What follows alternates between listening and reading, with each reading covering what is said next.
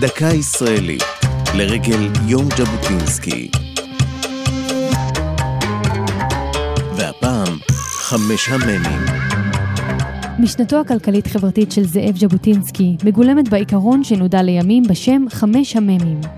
וכך כתב ז'בוטינסקי ב-1934: מזון, מעון, מלבוש, מורה ומרפא. חובתה של המדינה צריכה להיות כל אדם המודיע שהוא דורש את חמש המ"מים צריך לקבל אותן. ז'בוטינסקי, אחד ההוגים החשובים בציונות בכלל ובימין הציוני בפרט, נולד באודסה בשנת 1880.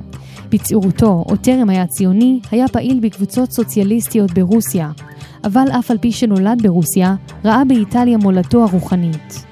ז'בוטינסקי נמנה עם הזרם הלאומי-ליברלי, כלומר מי שרואה במדינת הלאום אמצעי להגשמה עצמית של הפרט ולשמירה על זכויותיו. על פי ז'בוטינסקי, תכלית המדינה לשרת את הפרט ולא להפך. להשקפתו, על מנת לפרוס רשת ביטחון לכלל האזרחים באשר הם, על המדינה לעשות זאת גם במחיר התערבות בחיי האזרח, כפי שהיא נוטלת מיסים או מגייסת לצבא. גם היום, ביום השנה ה-79 לפטירתו, עמדותיו של זאב ז'בוטינסקי עודן מייצגות זרמים שונים בשיח החברתי-כלכלי בארץ. זו הייתה דקה ישראלית על ז'בוטינסקי וחמש המ"מים. כתבה טליה כהן, ייעוץ הדוקטור אופירה גרביס, עורך ליאור פרידמן.